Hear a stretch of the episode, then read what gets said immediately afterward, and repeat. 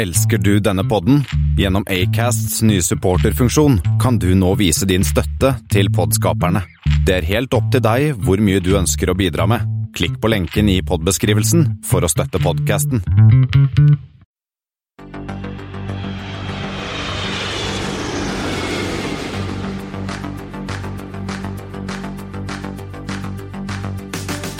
Hei og velkommen om bord på Flypoddens Flight 64.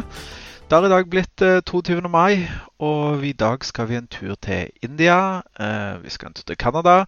Vi skal se på nye ruter fra vinterprogrammet, og nedturen den fortsetter dessverre for eh, Thomas Cook.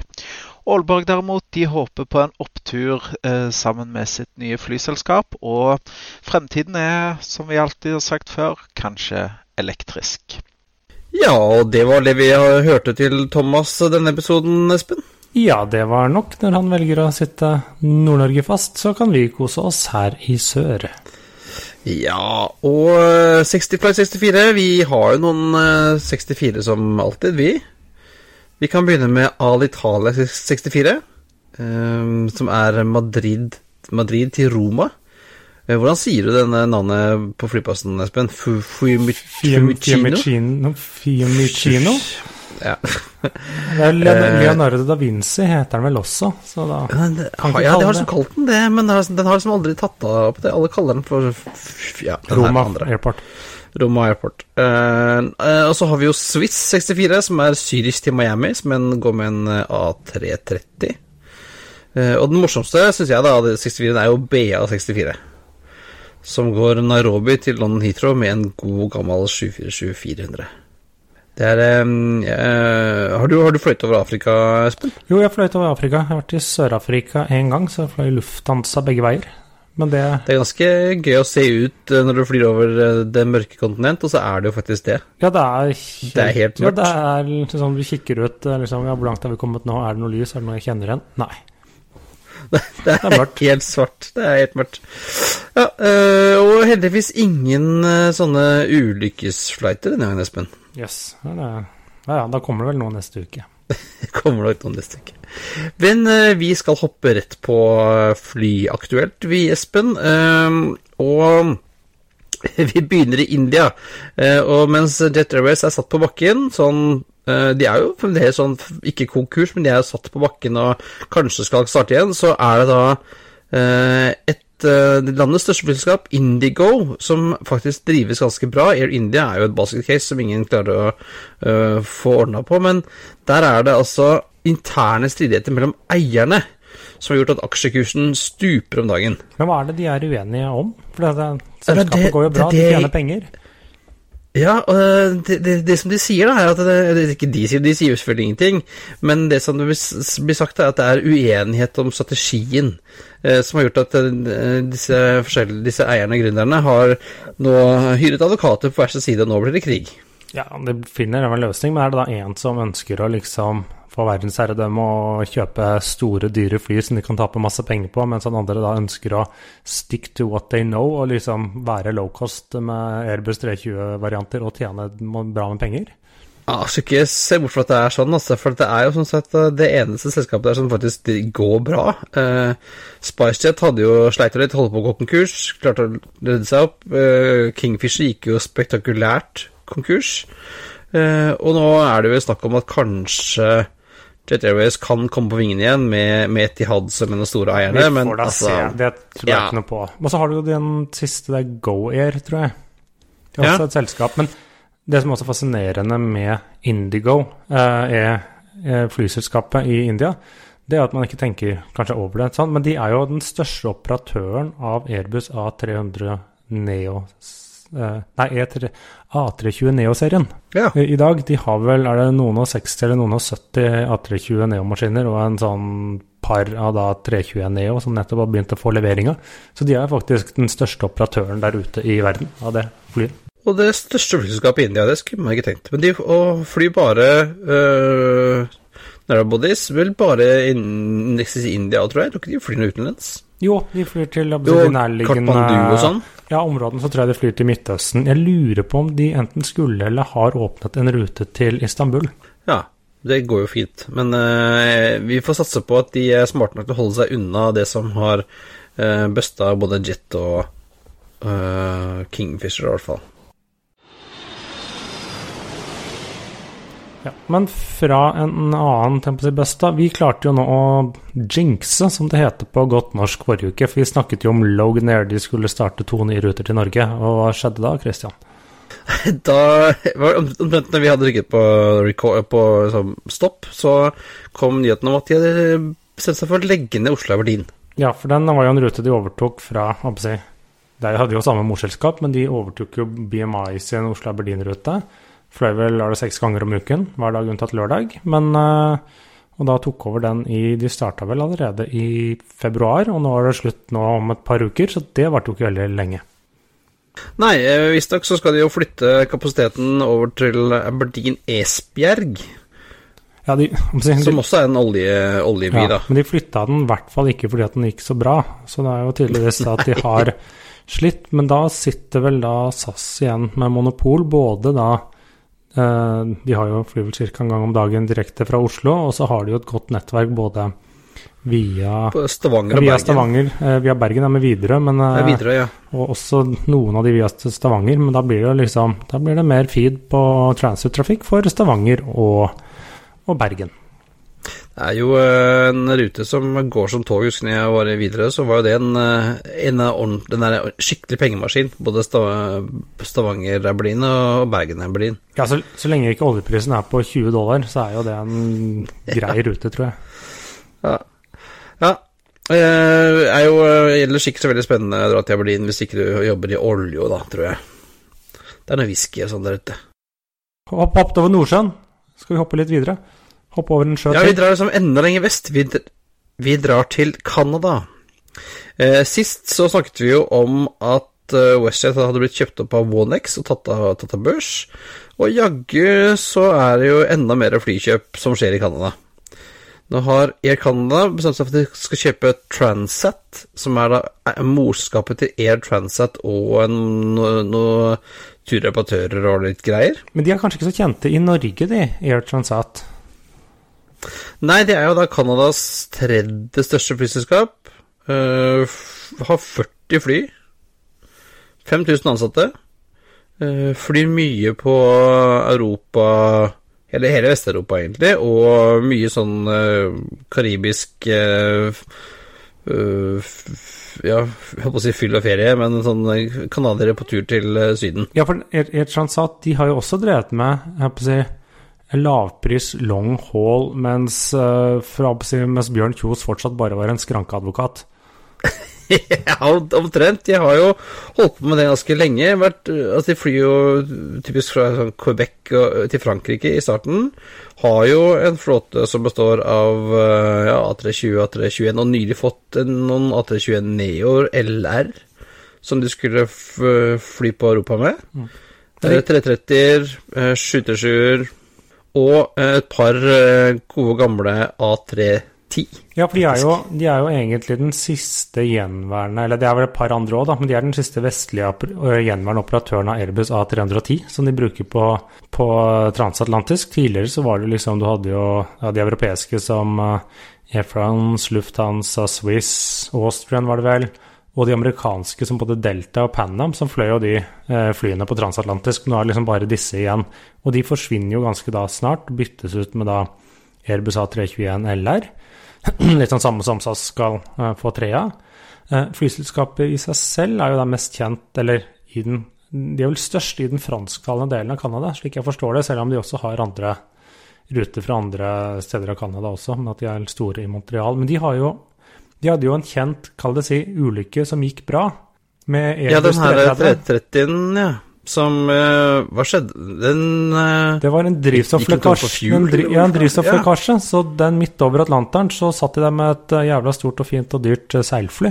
Men kom seg vel til Azorene, vel? Ja, den De Heldigvis var de der de var, og ikke lenger ute eller lenger borte. Så de seilte inn på Azorene og, og kom seg ned. Og bøsta vel alle hjulene, omtrent?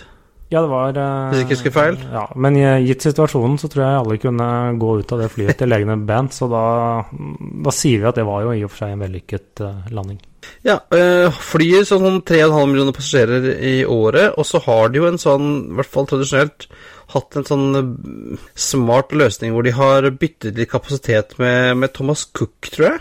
Eh, I og med at uh, høysesongen uh, for den type sånn ferie-, fritids-, charterturer i Europa er på sommeren, mens i Canada er det på vinteren. Eh, Så Air Transat har i hvert fall fløyet mye i Europa nå på, i sommerhalvåret. Eh, Og så har de av og til chartra noen maskiner fra, fra Thomas Cook til eh, Canada i deres høysesong.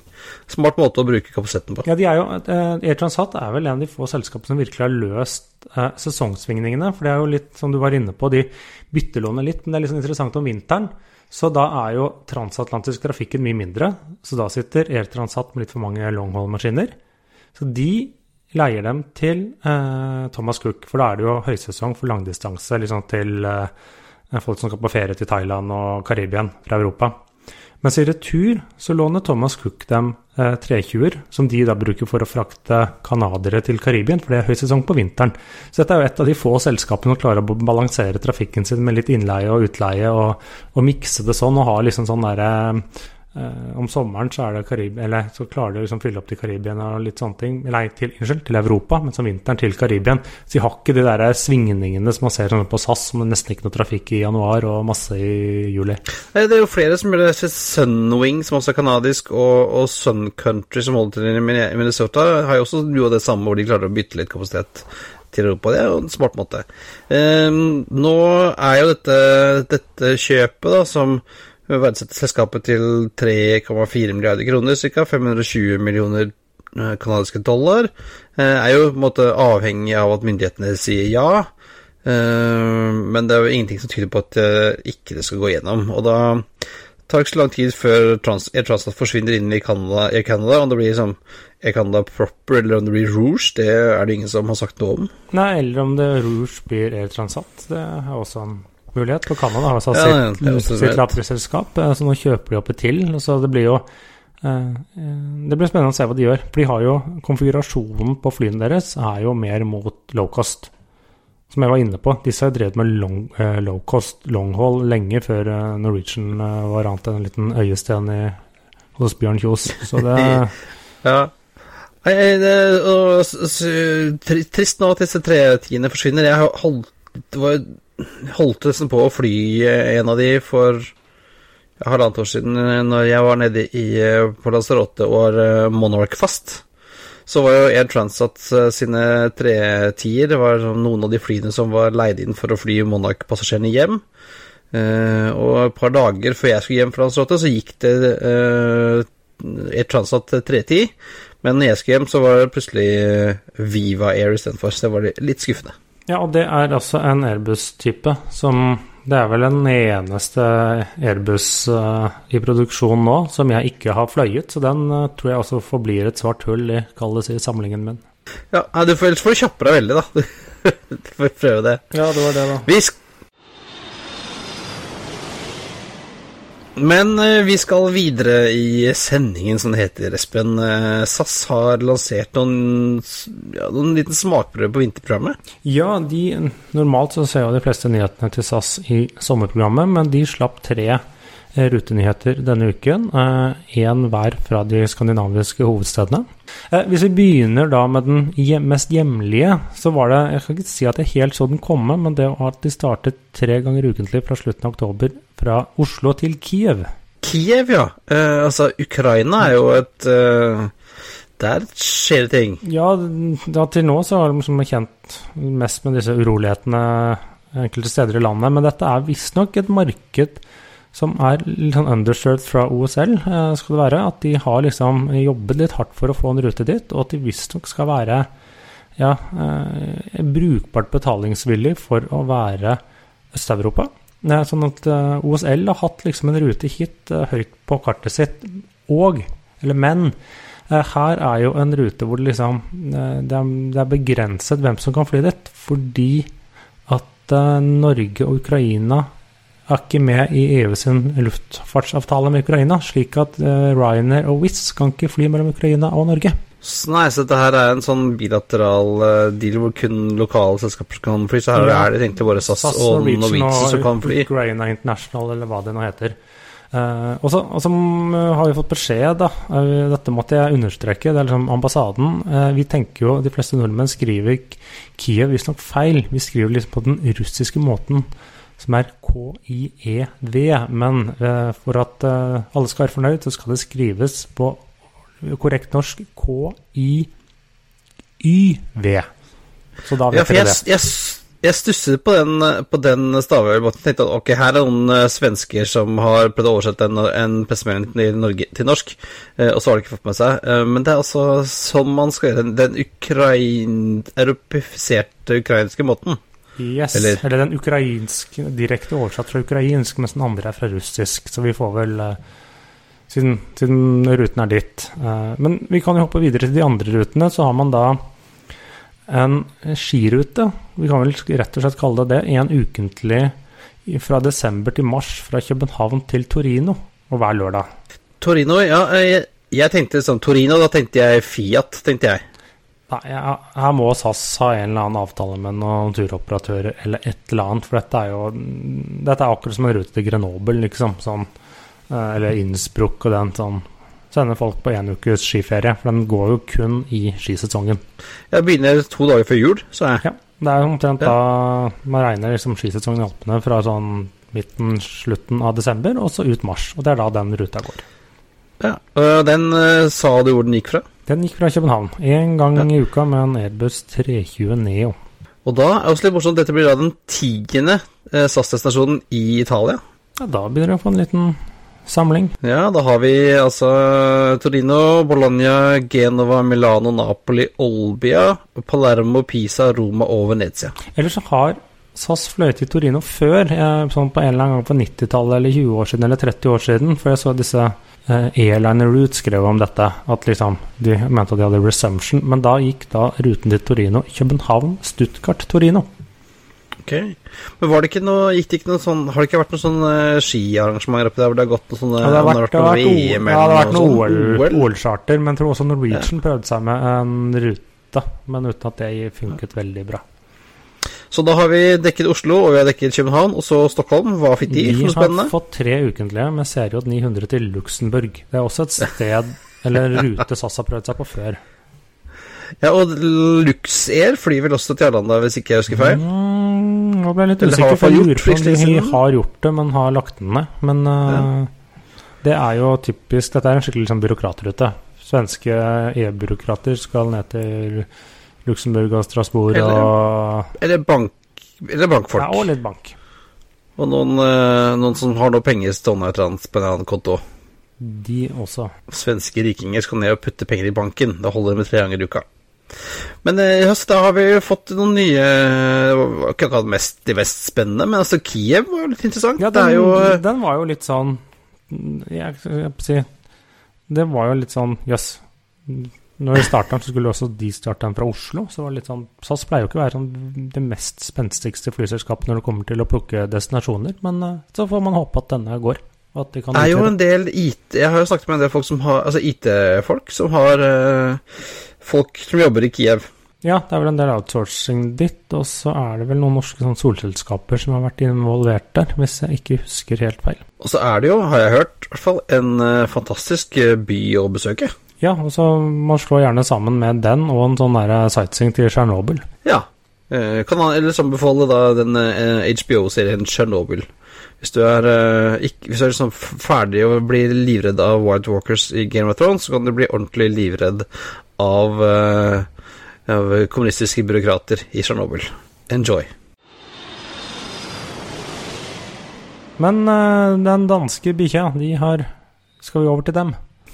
Ja, Great Dane Airlines hadde vi jo litt gøy med, Espen. Og du, jeg vet ikke om det var du som sa det, men eh, vi pleier jo ikke å tro på nye selskaper før flyet står på bakken med, med, med fersk maling. Nei, men da kan vi tro nå.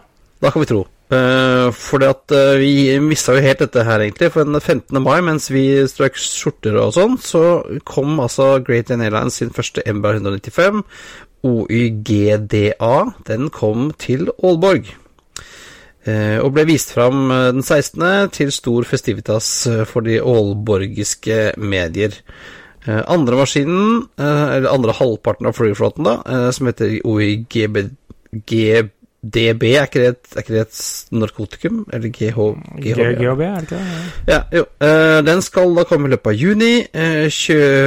utstyrt med 118 eh, lekre skinnseter.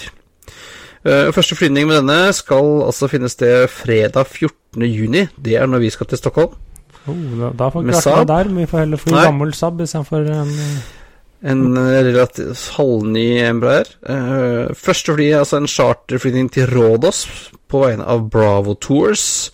Og så kommer det på løpende bånd ruteflyvninger til Dublin, Edinburgh og NIS. Eh, kabinpersonalet har også fått eh, fine blå uniformer. Minner litt om Color Air. Eh, de har røde små hatter, og så har de røde hansker. Color Air hadde jo røde bereter, hvis ikke jeg husker feil, eh, og også røde hansker. Ja, det blir jo spennende å se om det liksom De satser jo liksom blanding på charter og rute, så det er liksom De gjør opp et håp at dette kan funke. At det ikke bare er sånn At det ikke blir en ny Fly Nonstop. Nei, eh, de har, jeg tror de har fått dekket ganske stor del av, kapasiteten med sånne Det fins jo masse eh, turoperatører i, Span i Danmark Spania, se. Uh, Bravo Tours og et par andre sånne som mistet jo litt kapasitet uh, tidligere, så for dem er det jo kjempebra. Dette er bra. Eh, og så har vi Vi hadde jo ikke noen ulykker denne uken, men vi har et uh, trist dødsfall, Espen. Ja, vi hadde da uh, godeste Nikki Lauda. Han, han var jo egentlig en Formel 1-kjører. Hadde stor suksess der, men han er da også en av få personer som har da startet hele tre flyselskap. Og startet det òg liksom suksessfullt startet tre flyselskap. Det er jo noen sånne mer eller mindre tvilsomme typer som vi har vært inne på før, som har startet opp i flere flyselskap. Men han solgt, han startet og da solgt tre flyselskap med profitt. Så han er jo da unntaket som bekrefter regelen om at du kan Eneste måten å bli eh, litt Få en liten formue på eh, i flybransjen er å starte med en stor. Han har faktisk gjort motsatt. Han har det. Han har starta som millionær og endte som millionær, så vidt jeg vet. Eh, eller, og vi kan jo komme tilbake til Han starta jo først, det var vel en gang rundt 1980, for lenge siden, Lauda Air. Eh, og de holdt jo det gående ganske lenge, nærmere bestemt sånn rundt årtusenskiftet. Så ble jo de gradvis solgt til da Austrian, som til slutt eh, tok over dem. De var jo Eh, Jeg husker jeg fløy dem. Jeg tror jeg aldri har sittet så trangt i en 737 som ikke har vært spanskregistrert noen gang. Eh, Ja, jeg, jeg fløy dem til eh, Maldivene, faktisk, med 767-300. Og det var en sånn kombo med Austrian Jeg fløy Austrian til, til Wien, og så Lauda videre. Er flere av, Det var greit, ja, det, det altså. er for flere av Austrian sine langdistansemaskiner er- kommer jo fra Låda. Det sier jo litt Ja, hvor gamle både Austrian sine er. 767 og 777 så er det sånn forskjellig. Eh, og det, det kan liksom bringe oss til, for uh, Lådeir hadde en ganske kjent ulykke i 1991, eh, hvor en av deres 767-ere, som var nesten ny, krasjet etter avgang i Bangkok. Der viste det seg at denne ene thrust reverseren plutselig slo seg inn, inn i luften. Det pleier jo ikke å være en særlig god Det er som å sette på fullt håndbrekk eh, på E18. Ja, og så kjøre utfor et stup. De, de tror vel at da flyet først bråstopper det, og så faller det brått ned. At de muligens falt i overlydshastighet, slik at flyet liksom gikk i oppløsning. Og den, den syns jeg liksom begynte å lese litt om den eh, nå. Og det har vært noen intervjuer, eller man har gamle intervjuer med Nikki Lauda nå. Og her er det jo noen sånne klare paralleller til hva vi opplevde i nå nylig med 737 Max. Eh, det var litt sånn at Dette var et ja, ikke helt nytt fly i 1991 heller, men det var liksom sånn eh, ja, Dette skulle jo egentlig ikke skje. Hvordan skjedde dette? Og først så Boeing hevdet, begynte jo å si at det har vært pilotfeil, og så var det nei. Dette må jo pilotene ha kunnet klart å rette opp i. Eh, så gjorde jo det Det som skjedde da, var at eh, godeste Nikki Lauda, han eh, gikk ikke med på det. Så han da han dro til Boeing og lånte en 767-simulator. Og prøvde å liksom gjøre dette stemmer var det elleve ganger eller noe sånt. Liksom, på Boeing sa han nei, en pilot skal klare dette, og det gikk ikke.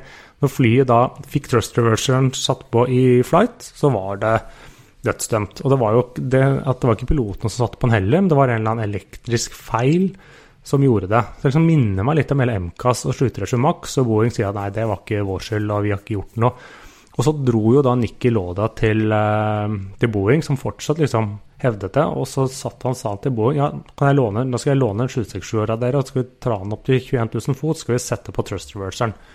Ja, det ville de ikke. Og da krøp Boeing til korset og sa at ja, vi har kanskje et fly som er fullt, eller et fly som er feilprodusert. Det er en designfeil, ja, så vi bør kanskje rette opp i den.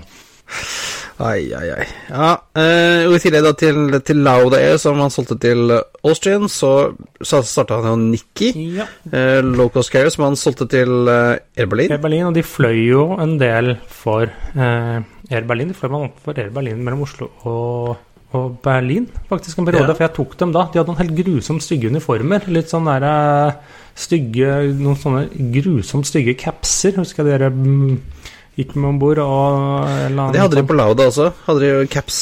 Ja. ja, hvis du ser Nikki var- han har alltid intervjuet en rød caps, men det skyldes jo at han jo, ble jo alvorlig brannskadet i karrieren. Rimelig godt eh, brent, ja. Ja. Um, Men eh, og Nikki overlevde jo faktisk konkursen i Nei, det overlevde sånn halvveis. Ja, det halvveis. Det overlevde opprinnelig, og så skulle det selges videre, og så gikk det med i dragsuget. Men uh, Nikki Loda var jo ute av det inn da. Og så Istedenfor så tok han han hadde et sånt AOC, for han fløy jo litt rundt med Han hadde jo noen private jets og litt sånne ting. Så startet da det Loda Motion eh, nå i fjor, eller forfjor, som da etter hvert ble solgt til eh, Ryanair. Og han rakk jo akkurat å få levert en Global Express, eller Mommerdé Global Express eh, 7500, et rimelig rått eh, privatfly, som han rakk å ha i et par måneder da før han døde. Ja, han døde i alder av 70 år. eh, og hvis du ser liksom hvordan disse, disse, ulykkene han hadde når han kjørte Formel 1, så var det sånn Han skulle jo ha stryket med på 80-tallet en gang. Ja, han har vel hatt eh, lungetransplantasjoner, for han brant vel opp lungene i den brannen og litt sånne ting, så han eh, han, å si, han døde relativt ung, men uh, sammenlignet med hva kroppen hans var gjennom, så var det ikke så ille. Nei, eh, men eh, hatten, eh, eller den røde capsen, ta eh, av for, eh, for Nikki Lauda. En eh, mann som luftfarten kommer til å savne. Ja, og vi, vi legger ut bl.a. en eh, link til en YouTube-video hvor han eh, også forteller om denne eh, ulykken med flyet, og hvordan han opplevde det. Det skal vi gjøre. Den kommer eh, på uh, flypodden.no. Det er lenge siden vi har hatt Air Belgium-nyhet, Espen, men eh, nå skal vi til Belgia, for eh, et nytt selskap er på vei som heter Air Antwerp. Ja, eller det vil si, det er jo noen som nå for er det andre eller tredje gang jeg forsøker å blåse liv i det som var resten av det tidligere VLM. Ja, litt sånn liten apropos eh, Jet Airways, og dette skal vi starte opp igjen, så er det altså noen eh, eh, KLM og, og Jet CityJet har gått sammen for å gjen, eller gjenskape eller Ja, starte har- et nytt de har belgisk flyselskap. på, hvert fall, De har den de har inne på eiersiden der, og de skal blant annet liksom eh, starte opp eh, Antwerpen til London City, som liksom var den der gamle Det var, det var det som VLM-ruta. Levde på ganske lenge. Ja, den, så hadde de ganske mange andre ruter ut fra London City også. også. Men det som er, det er jo at eh, det er jo en grunn til at dette går konkurs et par ganger. Men det er liksom, hva skal vi, starte, hva skal vi gjøre i 2019? Jo, la oss starte å satse på Fokker 50. Ja, det er liksom, ja. ja. det er det vi kan, men det eh, hjelper jo ikke så mye. Det er liksom å være ekspert på hest og kjerre i dag. Det hjelper jo svært lite hvis du skal eh, drive transport. Ja, for det, altså, det som de flere kilder sier nå, er at KLM skal ha en fjerdedel av aksjene, og så skal City ha tre fjerdedeler av aksjene. Ja, altså Antwerpen eh, Jeg har vært i Antwerpen. Jeg faktisk kan, kan anbefale for en helgetur. En hyggelig by, men den trenger ikke en egen flyplass. Toget Ja, for det er jo et, kva- et kvarter til, til Brussel, ja, litt mer, men toget fra, fra Brussel Airport til Antwerpen, det, det er ikke lange biten. Det er gjort Du flyr til Brussel, og så tar du toget ditt eller en bil eller et eller annet. Men det er eh, eh, avstanden i Belgia er normalt ikke store, men mellom eh, Brussel og Antwerpen er de små selv for Belgia å være. Ja, det er jo en, en eh, er jo kanskje mest kjent for uh, diamanter, Antwerpen? Ja, eh, det er, det, det er mye rart. Du ser jo disse Det er, eh, eh, det er jødene der som dominerer diamantmarkedet. Så du ser liksom, Hvis du går litt rundt der, eller sånn, så er det en del av de med de litt rare, mørke hattene og litt sånne Ja, de der krøllene ja. Det er liksom de som driver med det. Og så er det, ja, det er mye annet. jeg jeg syns det var en sånn hyggelig by. Fint for en helgetur. Ja, liksom masse Så man kan sitte med sånne uterestauranter langs eh, Langs med elven der, og litt sånn De er sånn ikke gammel, gammel by, men litt sånn hyggelig del av byen, og ja. Lett å komme seg til. Ja, eh, og hvis du skal fly fra London eh, til høsten, så kan du da fly direkte inn til Antwerpen med Air Antwerp, eller om det tipper vel at det kommer til å bli noe sånn KLM-branded greier, vil Ja, jeg tro. hvis de fortsatt lever, da. Eh, ja, hvis de fortsatt lever. Den som, den som har lever, får se.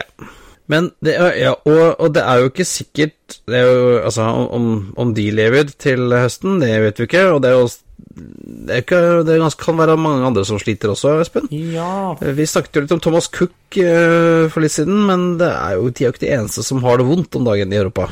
Nei, eller i hvert fall som gjør det betydelig dårligere enn i fjor. For vi hadde jo nå i de, forrige sendingene våre så har vi vært gjennom resultatene til både Lufthansa, Air France KLM, British Airways eller IAG. Eh, og det er jo ingen som eh, Det er til nå ikke vært noe som har gjort det bedre enn i fjor, av de europeiske.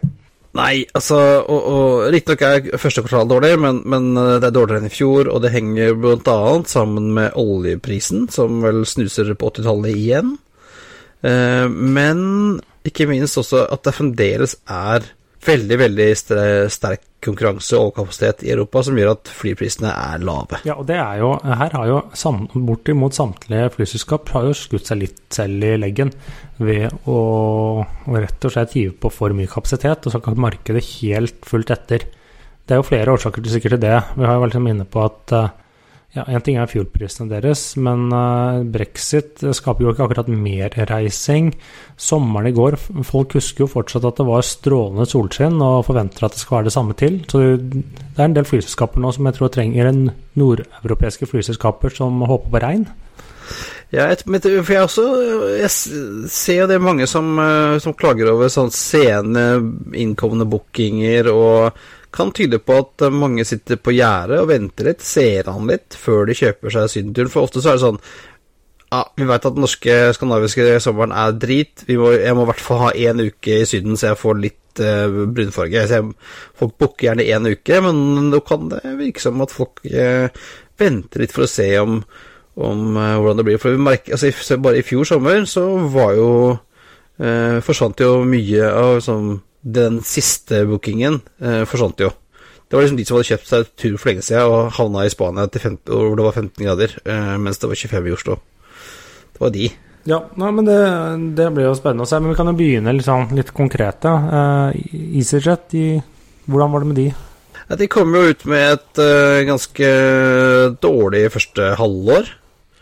Uh, på 23 millioner kroner i første halvår i år. Eh, melder også de om, om lavere booking-inngang. Eh, og liksom har meldt til markedet at dette her ser ikke så bra ut. Eh, og de har jo også brexit, da, som, eh, som ligger som en sånn mørk, mørk sky. Ja, nei, for det var faktisk, for å komme tilbake til, det var faktisk nærmere to milliarder kroner de gikk i tap med i første halvår. Ah. Eh, ja, de hadde liksom den, og de hadde den der drona på Gatwick. E- EasyJet, Ja, EasyJet ja. er jo litt annerledes, fordi eh, for de som ikke er klar over det, så følger jo de britiske børsregler, og der rapporterer de ikke kvartalstall, der rapporterer de bare halv, halvårstall. Så at de har liksom nylig rapportert sitt såkalte første halvår, som er liksom fra 1. oktober til 31. mars. Ja, for de har sånne der merkelige regnskapsår, de òg, selvfølgelig. Eh, og Ryanair slapp jo også tallene for fjoråret. Mm, de, eh, det var liksom også det samme, det var for hele 2018, som deres år avsluttet også 31. eh, mars. De også avvikende regnskapsår. Og Men de gikk i pluss, da. de gikk i pluss, men eh, si bare 1 milliard euro, mens det var 1,4 milliarder euro i fjor, og det er det svakeste resultatet til Ryanair på fire år. Og det er jo det samme som går igjen her. Det er nei, unnskyld, det drivstoffkostnadene har økt.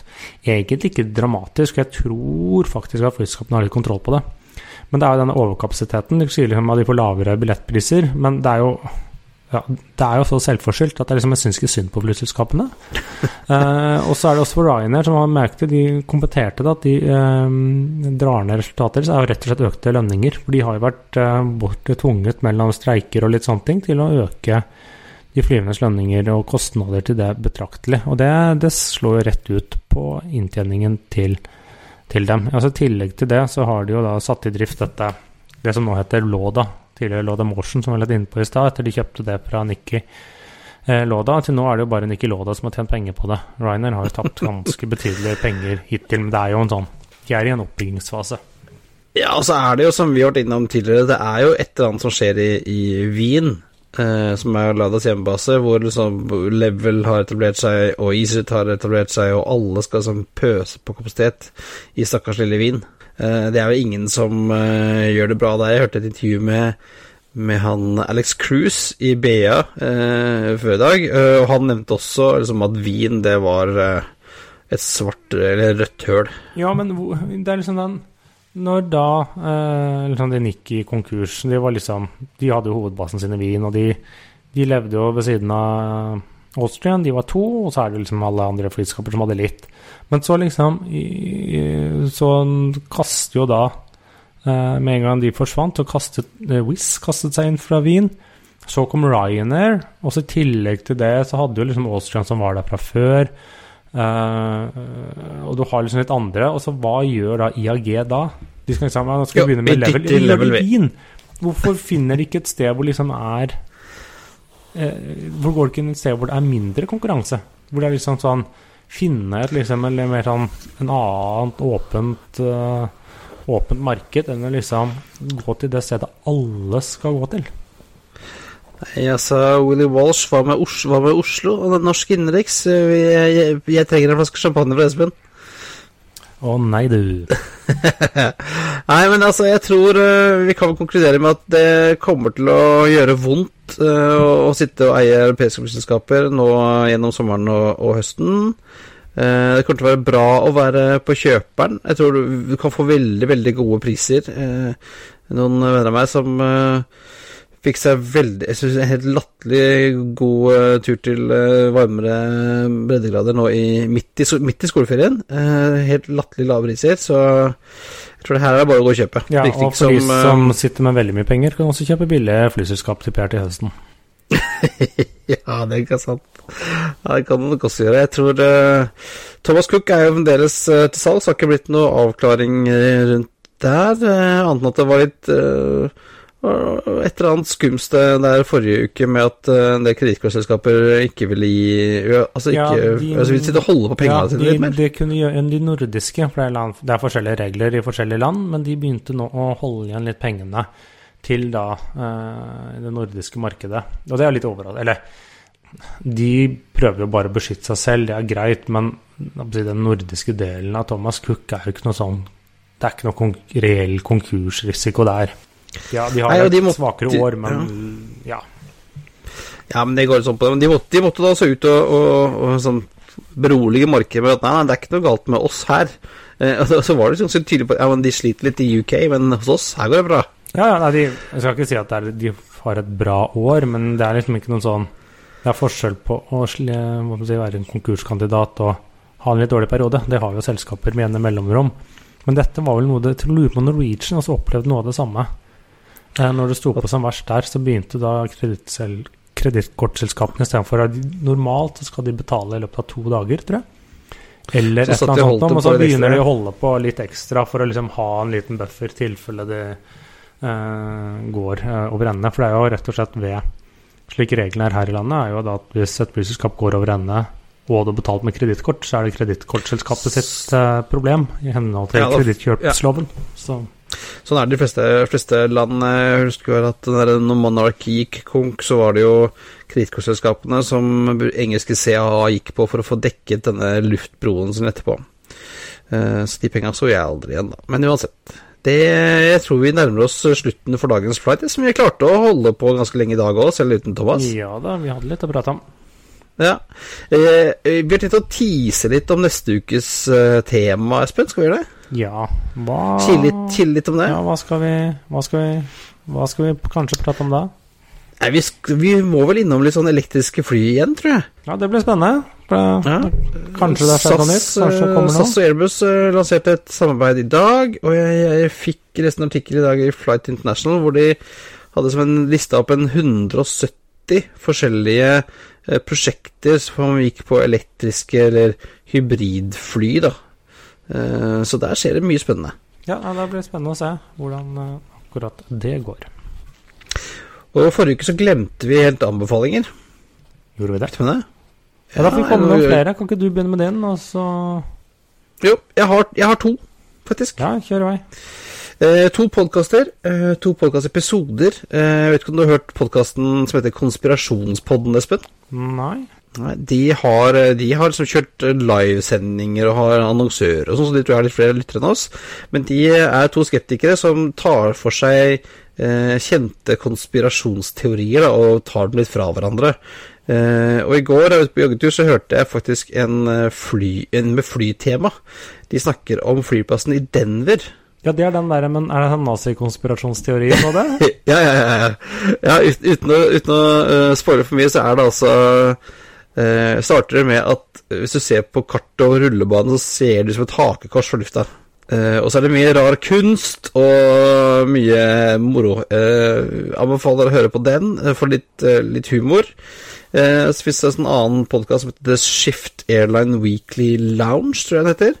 Eh, som i den deres nyeste som jeg fant i dag, hadde et veldig godt intervju med, med Alex Cruise, som er eh, konsernsjef, eller toppsjef i British Airways, eh, hvor han snakker litt om eh, A380 og snakker om konkurranse og snakker om Norwegian og low, eh, low cost long haul og ja, et går veldig godt intervju med en ganske åpenhjertig Alex Cruise. En fin fyr. Og du, har, du en oppfatning, Espen? Du, jeg, har en liten en som går litt ut på Jeg var ute og reiste i, uh, i helgen. Jeg hadde med min eldste sønn, som er snart fem. Vi dro til København på guttetur på Farrosan.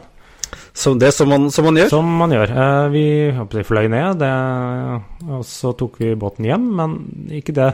Men vi var bl.a. på Den blå planet, det er et sånt nytt akvarium.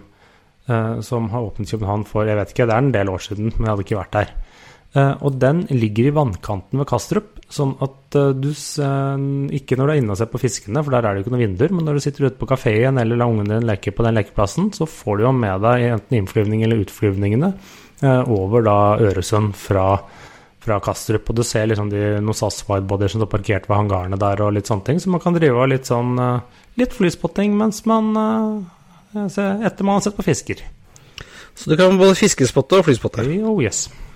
Så Den blå planet, eh, dagens anbefaling fra Espen. Men eh, det var vel det for det, denne gang, Espen. Det var det. Det var det.